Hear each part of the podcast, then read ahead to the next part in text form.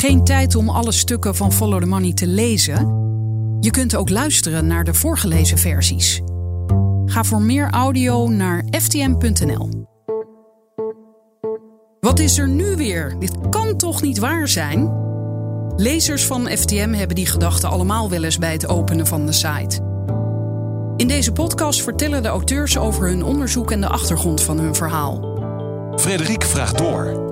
Podcast van Follow the Money. Superleuk. Ik heb er echt zin in, hè, Frederik. Misschien moet jij beginnen over Hogeveen. Ja. Dat is eigenlijk het startpunt geweest. Hè? Ja, zeker. Ja, En dat toen is ben ook ik wel leuk. eh, in Tilburg en dat hebben we eigenlijk een beetje samengevoegd. Dan. Ja. Rosanne Kropman en Judith Spanjers, welkom. Dankjewel. Hallo. Jullie hebben samen een stuk geschreven over zorgboerderijen. Wat zijn dat? Nou ja, een zorgboerderij eh, is een, een echte boerderij. Met nou ja, wat je bij een boerderij verwacht. Dus eh, beesten en eh, velden en een, en een boer. Waar zorg verleend wordt aan allerlei verschillende soorten cliënten. Dus het gaat om ouderen met dementie. Daar hebben ze heel veel ouderen hebben daar dagbesteding. Logeeropvang gebeurt daar veel. Ehm, en kinderen die daar overdag spelen of in het weekend. Ehm, en ook individuele begeleiding. Eigenlijk komt het erop neer dat eh, op zorgboerderijen eigenlijk steeds meer en steeds zwaardere zorg komt. En wat daarbij ook opvalt is dat het niet alleen de boeren zijn bij de zorgboerderij, maar ook ondernemers die een boerderij kopen en daar zorg gaan verlenen. Dus het is een breder dan alleen de ouderwetse boer alleen, zeg maar. Oké, en jullie hadden daar een misstand ontdekt, Rosanne? Nou ja, zo snel ging het eigenlijk niet. Ehm, wij, eh, vorig jaar al eh, kreeg ik de lijst van zorgaanbieders waarmee de gemeente Hogeveen, dat is in eh, Drenthe, zaken doet. En ik liep daar eens even doorheen. En iedere onderneming waarbij paarden in het spel waren, die kreeg een paarden-emoticon ernaast in mijn Excel-sheet. En toen ik het uitgezocht had, toen telde ik zes paardenondernemers voor een gemeente van 55.000 inwoners. Dus dat was het moment eigenlijk dat bij ons team een lampje ging branden. Dat we dachten, hmm, wat is er eigenlijk aan de hand met die, eh, met die paarden? Zo begon het. Ja, want het team wat jij noemt, dat is natuurlijk het eh eh, Zorgcowboy team. Heet, heet jullie eigenlijk zo? Nee, jeugdzorgteam zijn wij. Hè? Dus wij onderzoeken eigenlijk vooral de geldstromen in de jeugdzorg. En daarbij is het heel breed. Dus we kijken naar kleine ondernemers, naar grotere stichtingen, naar politieke kwesties. Dus heel breed kijken we naar hoe kunnen die tekorten nou eigenlijk ontstaan. En wat is er aan te doen?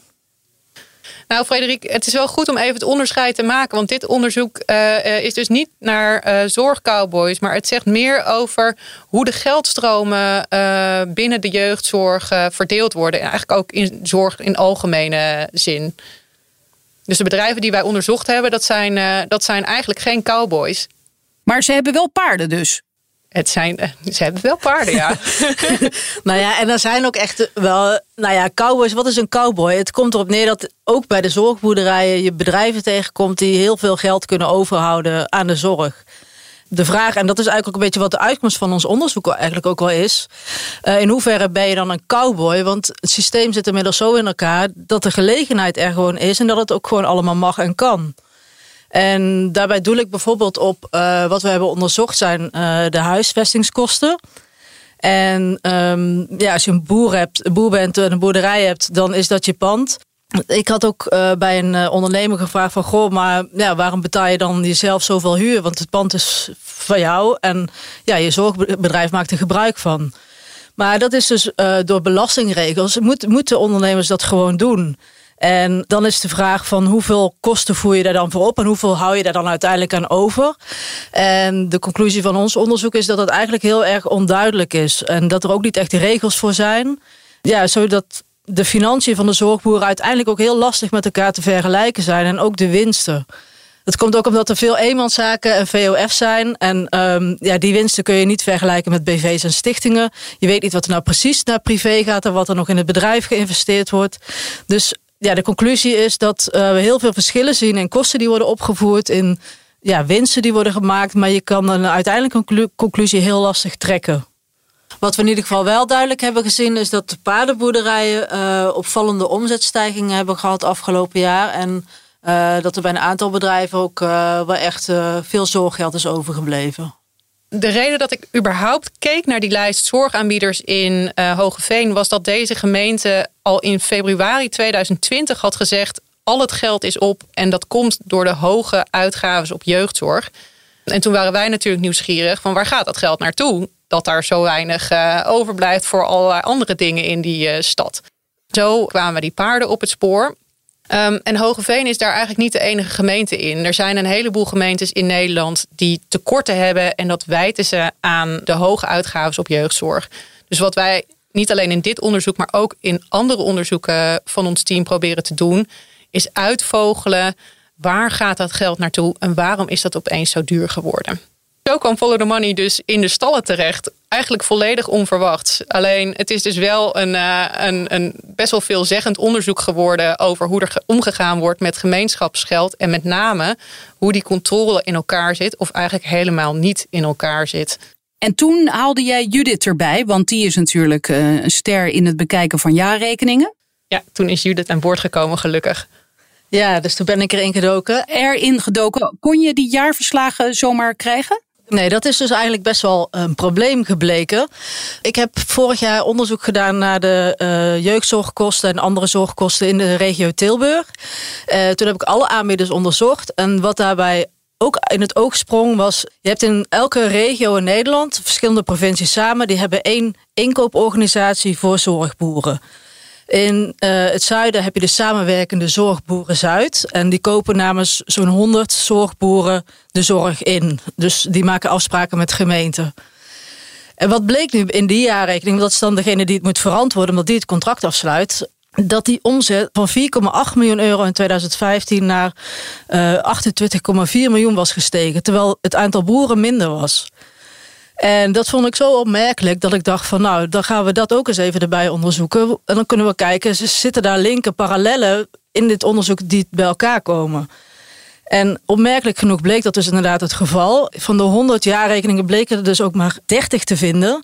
Dat betekent dat de boeren, ja, het financieel inzicht en toezicht op de boeren is dus beperkt, want je hebt eigenlijk geen inzicht. Dus van die 30, die heb ik in ieder geval onderzocht. Ik heb alle websites onderzocht van um, alle deelnemende boeren om te kijken wie biedt er jeugdzorg en wie niet. En uiteindelijk kom ik op uh, 45 uh, jeugdzorgboerderijen. En 40% daarvan uh, biedt paardencoaching. En dat was voor ons dat we dachten van ja, het is dus wel een trend en een ontwikkeling blijkbaar, want het is best wel veel. En dus we wilden cijfers hebben en duiden. Dat hebben we aan de hand van die jaarrekeningen gedaan. Maar we hebben ook uh, de Kamer van Koophandel gebeld. En gevraagd, goh, hebben jullie gegevens, cijfers over paardencoachingbedrijven? Is dat nou een toename of, of kunnen we daar een conclusie uit trekken? En daar ben ik mee aan de slag gegaan. Ik kreeg een uitgebreid uh, ja, document met een heleboel uh, beschrijvingen van bedrijven. Die heb ik allemaal één voor één uitgespit. Ik denk dat er meer dan 1200 waren. en voor de dubbelcheck nog een keer. Uh, gelukkig vind ik het niet zo erg om te doen. De conclusie uit de cijfers van de Kamer van Koophandel is in ieder geval dat de stijging is te zien van 200 uh, paardencoachingbedrijven in 2014 naar bijna 600 in 2021. Maar uh, dus die heb ik allemaal geselecteerd op wat binnen onze definitie van paardencoaching valt in dit verhaal. ja, nou, dat is goed dat je dat noemt. Want, want wat is dat, paardencoaching, Rosanne? Nou ja, dat, uh, dat vroeg ik me eigenlijk uh, ook af. Dus ik ben daar uh, gaan kijken um, voor dit verhaal. Zal ik even vertellen hoe, hoe, hoe, dat was, Frederik? Ja, ik ben gaan kijken uh, bij een uh, zorgboerderij in Etteleur waar ze paardencoaching uh, aanbieden. Ik vroeg me af hoe dat in zijn werk gaat en daar heb ik dus ook een paardencoaching sessie mogen meemaken. En dat was eigenlijk, eigenlijk hartstikke leuk. Het is het, het, bedrijf waar, we heen, waar ik heen ging, dat heet De Klimop. En dat ligt tussen de weilanden. Er staan overal paarden die, die hele boerderij, er lopen overal ook andere dieren, dus poezen en honden. Daar wordt dagbesteding gegeven en ook individuele begeleiding. En ik was erbij tijdens een uur individuele begeleiding van een, eh, een dame van 21. Die werkte met haar eigen paard samen met uh, de eigenaresse van dit bedrijf. Eigenlijk om haar eigen emoties beter te kunnen uiten. En eigenlijk, ik denk ook wel om meer zelfvertrouwen te krijgen. En wat was de rol van de paarden daarbij? Nou, zij had haar eigen paard meegenomen. Een uh, heel groot, uh, mooi boerenpaard. En de gedachtegang van die paardencoaching is dat paarden de emoties van mensen spiegelen. Dat is, uh, dat is het hele idee. Dus op het moment dat deze dame eigenlijk niet meent wat ze uitdraagt, dan reageert dat paard erop. Dat is de theorie erachter. En, en zag jij dat ook gebeuren? Uh, ja, uh, ik heb zelf de laatste keer dat ik op een paard gezeten heb, uh, toen was ik een jaar of vijf op de kermis. Dus ik heb weinig kaas gegeten van de body language van paarden. dus ik moet je eerlijk zeggen dat ik dat niet, niet zelf kon zien. Maar is dit zoiets als als je een hond ziet waar je bang voor bent, dan moet je niet, dat niet uitstralen, anders voelt hij dat? ja, ik denk, ik denk dat je het daar wel mee zou kunnen, kunnen vergelijken als, het, als dat waar is. Zo'n paard reageert op, uh, op de mens waar, waar die mee is. Dat is heel, uh, heel logisch. Maar wat um, dat dierlijke gedrag dan betekent, ja, ik, ik, kan het zelf niet interpreteren wat, wat, wat dat dan is. Maar het is, het is ook vooral een manier ook om in gesprek te komen, heb ik begrepen, met uh, cliënten. Dus uh, doordat er angst gevoeld wordt op een moment, of, of eenzaamheid, of wat dan ook, wat er naar boven komt, dan is dat een aanknopingspunt om verder op door te gaan. Het, ja, dat is wat ik ook uh, van een aantal mensen gehoord heb. Dat, ja, het is een middel om, om een cliënt te helpen. Dat is, Zo het is eigenlijk. Het, ja. En je moet daarnaast dus ook eigenlijk wel een uh, goede opleiding hebben om ook uh, mensen ja, psychologisch te kunnen begeleiden, zeg maar. En uh, en, maar ja, er zit dus veel, uh, heel veel verschillende gradaties in. En ja, er is niet echt een keurmerk voor. Um, dus ja, je weet niet wat nou echt uh, de beste is. En uh, Rosanne heeft ook onderzoek gedaan naar onderzoeken die daarna gedaan zijn. Ja, ik deed onderzoek naar het onderzoek. Um... Inderdaad, jullie schrijven in jullie stuk dat er geen enkele wetenschappelijke onderbouwing voor, voor deze therapie is. Hè? Nee, nee.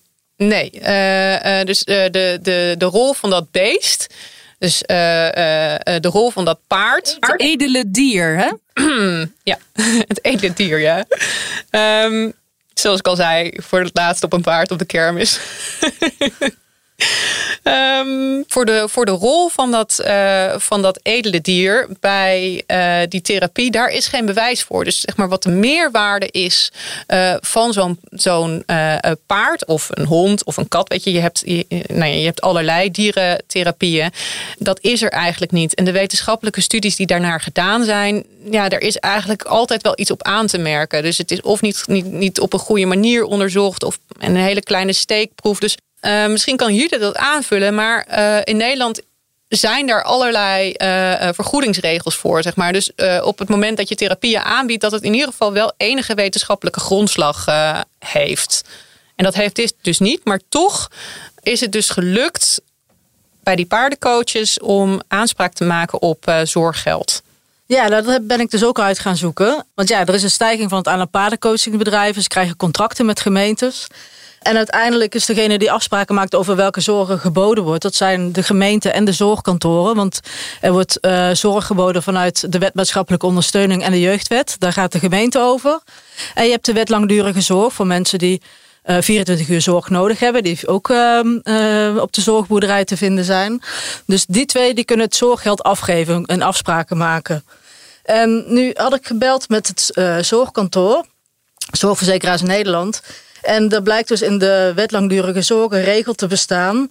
Uh, waarin letterlijk staat: dieren zijn geen begeleiders en kunnen geen begeleiding leveren gericht op zelfredzaamheid. En uiteindelijk heb ik het ministerie van eh, Volksgezondheid ook gebeld en gevraagd: van goh, hoe, hoe zit dat nu eigenlijk in elkaar? Daaruit uh, blijkt het antwoord van het ministerie is van ja, het landelijke beleid is om zoveel mogelijk te werken met effectieve interventies, zoals die zijn opgenomen in de landelijke databank van het Nederlands Jeugdinstituut. Paardencoaching zit niet in deze databank. Dus dat betekent dat het advies eigenlijk is om het niet te vergoeden. En dan is het toch wel opmerkelijk dat uh, gemeentes ja, dus wel dit vergoeden en ook contracten aangaan. En ik heb ook de Vereniging van Nederlandse Gemeenten gebeld. Van, ja, hoe kijken jullie daar dan tegenaan? En ja, die hebben daar eigenlijk geen oordeel over, over paardencoaching. Dus um, ja, het wordt vergoed als dagbesteding en als individuele begeleiding. En ook zorgkantoren die dus het beleid hebben om het niet te doen die cliënten kunnen eigenlijk alsnog uh, ook paardencoaching krijgen via dagbesteding. Want het motto is, ja, een boer krijgt geld voor de dagbesteding. Of die nou uh, gaat spelen met uh, melkbussen of ehm, de koeien gaat voeren of paardencoaching geeft. Dat mag hij zelf bepalen als de zorg maar geleverd wordt. Ja, zo kan het dus gebeuren dat er inmiddels, zo schrijven jullie, uh, 600 plekken zijn in Nederland waar je dus zo'n paardencoach uh, traject of therapie, mag het niet heten, maar kan volgen. Nou ja, je moet het zo zien. Ik heb de bedrijven geteld die paardencoaching bieden. En dat is, van de, dat is gestegen van 200 naar 600 ongeveer. Um, in, ja, sinds 2014 eigenlijk.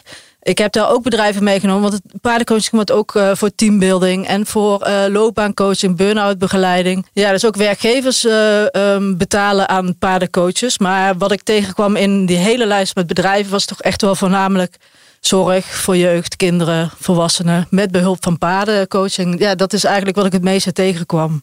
Ja, en nou, nou kan je, tenminste, dat dacht ik, van ja, als, als de cliënten, zoals ze dan heten, daarbij gebaat zijn of er zelf blij van worden, dan is dat eigenlijk heel fijn. Maar het gaat er dus eigenlijk om dat er wel publiek geld naartoe gaat. Ja, er gaat gewoon publiek geld naartoe. En ik heb geen oordeel of dat wel of niet goed is. Maar ik heb alleen gevraagd van, goh, wat zijn de regels? En als je dan naar de regels kijkt, dan zit daar toch wel een hele duidelijk verschil in. Van ja, landelijk is eigenlijk het beleid van niet, maar het gebeurt toch. En gemeentelijk is het eigenlijk alle remmen los. Dat is wat de politiek verder maar moet over na gaan denken van goh, hoe kan dat en wat willen we daar eigenlijk mee? Want als je ziet dat ja, 40% van de um, ja, jeugdzorgbedrijven in, uh, in, in het zuiden die ik heb onderzocht, en dat is nog maar een deel, dat is 40% biedt paardencoaching. En ja, dat is het gegeven wat we boven water hebben gekregen. En het is aan anderen om daar een oordeel over te geven. Ja, en Rosanne, de vrouw bij wie jij langs bent gegaan, die dus die coaching doet, hoe, hoe kijkt zij daar tegenaan eigenlijk? Want jullie, jij schrijft ook dat haar omzet is de afgelopen jaren nou vervijfvoudigd, geloof ik? Ja, ja, ja. Het, uh, het is heel goed gegaan uh, met haar uh, bedrijf in de afgelopen vijf jaar. Dus zij heeft ook enorm uit kunnen breiden. In de zin van dat ze steeds groter is gegroeid. Wat dit bedrijf doet, en ik denk dat daar ook best wel veel behoefte aan is, is ze bieden zorg en onderwijs aan kinderen die gewoon niet, niet meer naar de gewone scholen kunnen. En ze bieden dagbesteding. Dus ze doen eigenlijk van alles en nog wat op dat ene bedrijf. In, ik denk voor kinderen een hele leuke en fijne omgeving. Maar het is dus echt, uh, echt gigantisch ge, ge, gegroeid. Van uh, even uit mijn hoofd uh, 150.000 euro in het jaar van de decentralisatie. Dus 2015 naar 750.000 euro in 2019. En dat zagen we bij meer bedrijven in de jaarrekeningen terug. Dus het is echt wel. Ja, de paardenbedrijven sprongen er wel uit bij de omzetstijging, viel ons op. Ja, maar deze vrouw zegt dan tegen jullie: uh, ja, inderdaad, een enorme omzetstijging. Overigens, ik keer mezelf 36.000 euro salaris uit per jaar en de rest besteed ik dan aan investeringen. Maar vindt zij het ergens nog merkwaardig dat dit zo, ja, zo soepel gaat? Of ze het merkwaardig vindt dat dit zo soepel gaat. Nou ja, die omzetstijging bedoel ik. Ik bedoel, ik neem niet aan dat je als je een bedrijfje begint verwacht dat je in vijf jaar zo enorm groeit. Of, of wel? Uh, dat heb ik eerlijk gezegd niet gevraagd. Zeg maar, of, dat er nou, uh, of dat er nou verbaasd. Maar zij verklaart dat zelf uh, zo. Dat, ze, dat op het moment dat die zorg naar de gemeentes ging. kon zij daar zaken mee gaan doen. Dus kon ze daar zorgcontracten mee af gaan sluiten. En dat viel eigenlijk min of meer gelijk met de bezuinigingen in het speciaal onderwijs. Dus dat was ook het moment dat er op die scholen steeds meer kinderen tussenuit begonnen te kletteren. Zij is zelf uh, uh, van huis uit uh, onderwijzer, heeft heel lang in het speciaal onderwijs gezeten en zag dat gebeuren en is toen eigenlijk begonnen met het, het opvangen en het toch lesgeven van, van deze kinderen. Nou ja, ze, ze, ze, ze zat met wat zij deed op het goede moment in de goede business, denk ik. Ik denk dat je het zo zou kunnen verklaren. Ja, en wat me dan ook opviel is dat op een andere zorgboerderij in uh, Zeeuws-Vlaanderen daar uh, zegt een ondernemer, ja, wij kunnen die zorg uh, veel goedkoper aanbieden. En dat heb, heb, ik natuurlijk eerder gelezen in jullie stukken. Dat de ondernemers zelf zeggen, ja, eh, het kan eigenlijk goedkoper. Maar ja, als we het allemaal volgens de regels doen, dan, dan ja, hoeft dat eigenlijk niet. Dat is heel merkwaardig, toch? Ja, en dat is dus ook merkwaardig. Um, als je hoort de roep om, om van de Vereniging van Nederlandse Gemeenten om, om meer geld. En wij moeten als huizenbezitters en als uh, bibliotheekmensen maar zien dat onze bieps gaan verdwijnen. En dat ja, we moeten gewoon meer belasting gaan betalen. Omdat de druk op de zorg gewoon zo groot is dat, dat de gemeenten gewoon geen geld meer hebben. En als je dan dus hoort van zo'n ondernemer, dat is niet de eerste keer dat ik dat hoor, dat die tarieven gewoon veel te hoog zijn Ja, dan kun je het die ondernemers ook bij, ja, bijna niet verwijten dat ze geld over hebben. En kun je vooral naar de gemeente kijken van, goh, hoe kan dat nou? Ik heb dus ook gesproken met de inkoop Jeugdhulp Zeeland om te vragen van, goh, hoe kijken jullie daar dan naar? Hoe kan dat dan? Nou ja, en die erkent eigenlijk gewoon dat de afgelopen jaren 40% te veel is betaald voor woonzorg. En dat is echt de duurste zorg. Dus daar is te veel geld naartoe gegaan. En dat is wel opmerkelijk, want ehm, ja, we komen er met z'n allen niet meer uit. De gemeentes gaan ten onder. En dit kan dus blijkbaar allemaal gewoon gebeuren eh, waar we bij staan. En ehm, ehm, er is ondertussen ook een ontwikkeling van eh, steeds meer kinderen die in liefst zo thuis mogelijk dan eh, geholpen zouden moeten worden. En daar passen de zorgboerderijen heel erg in. Dus het is heel, ook heel erg het beleid om het richting de zorgboerderijen te laten gaan. En gezinshuizen en in ieder geval een plek ja, dichtbij waar mensen zich thuis voelen, niet in een koude instelling. Maar ja, dat heeft dus als een aantal gevolgen. Want er komen en zwaardere cliënten. De inspectie Gezondheidszorg en Jeugd heeft eh, al jaren geconstateerd dat het niet professioneel genoeg is. Dus de kwaliteit moet echt beter. Ehm, je ziet er ook gewoon ja, cliënten die gewoon echt zware zorg nodig hebben, die op een wachtlijst staan, die nergens terecht kunnen. En eh, een van de zorgorganisaties zei ook, van de boerenorganisatie zei ook van ja, wij vangen mensen op die gewoon niet bij ons thuis horen. Die moeten in een instelling en wij kunnen ze ook niet helpen. Dus ja, er is gewoon wel iets aan de hand. En het is misschien een overgang naar een nieuw systeem, maar dat loopt wel, een, ja, ik denk in heel veel eh, gevallen niet goed, denk ik. Nee, en als je het nu zo schetst, denk ik toch wel, want jullie zeiden het zijn geen cowboys, maar ik denk nu toch wel een beetje aan het Wilde Westen. Want het is dus zo onoverzichtelijk. Dat ook bijvoorbeeld die vrouw die jullie spraken, die zegt dan zelf: ja, eigenlijk zou er een keurmerk moeten komen. Maar ja, dat keurmerk kan je, waar moet je dat op baseren? Als, als je dan specifiek kijkt naar die paardencoaching, als daar geen wetenschappelijk bewijs voor is. Dus hoe kan je dan een keurmerk creëren, Rosanne? Ja, eh, eh, goeie, goeie vraag. Dat, eh, dat, dat, dat weet ik niet. Nee, en, en hoe, hoe is dat nou verder gegaan daar in Hogeveen? Want kijk, waarom dit onder andere belangrijk is, is A, er gaat misschien geld naar verkeerde dingen. Dat, nou ja, dat laten we even in het midden.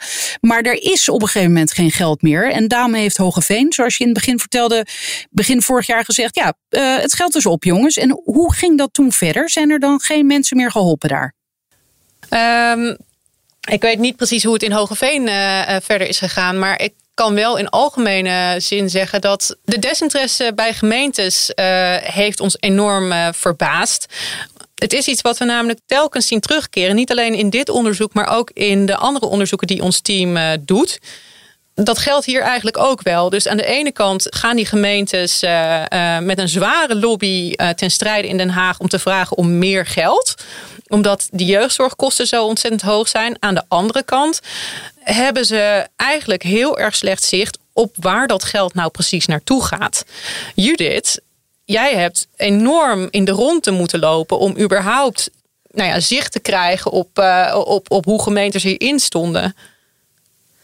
Ja, nou, het, is, het komt erop neer. Ik heb gekeken wie controleert het nu eigenlijk. Hè? Dat, want ja, je ziet dat er heel veel zorggeld ja, niet aan zorg wordt besteed, maar ook aan huisvesting, aan verbouwingen, een ton aan verbouwingen, een ton aan klein materieel, ehm, ja, dierkosten, al, alles mag opgevoerd worden.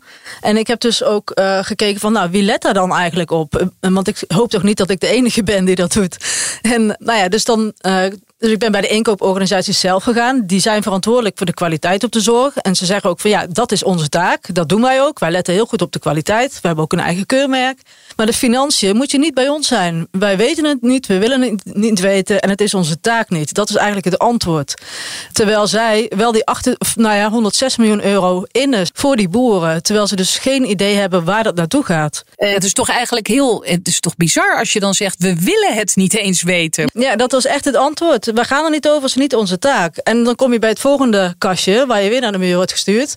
Eh, want ehm, ja, gemeentes die, die gaan er dus ook niet over, over de kosten die boeren in rekening brengen. Het komt er eigenlijk en zorgkantoren ook, die zeggen ook, ja, huisvesting, ja, dat moeten ze zelf weten. Daar gaan we niet over, als ze het maar kunnen doen met het pot geld die we geven.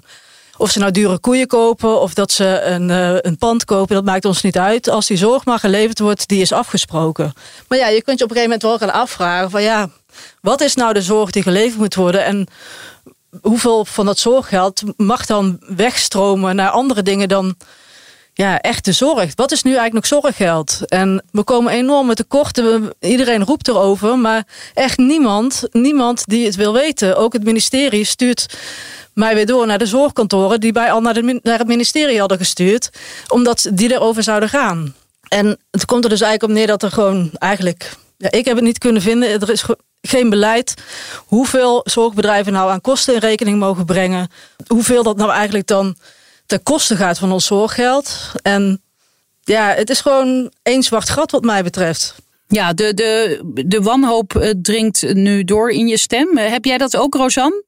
Um, de, de wanhoop. Nou ja, ik vind het wel uh, uh, heel opvallend dat die lobby in Den Haag zo sterk is voor meer geld. En dat er zo hard aan de noodklok getrokken wordt. Maar dat op het moment dat je vraagt van... hé hey joh, waar gaat het eigenlijk heen? Weten jullie dat wel? Dat, dat, dat, dat je nu op het request krijgt.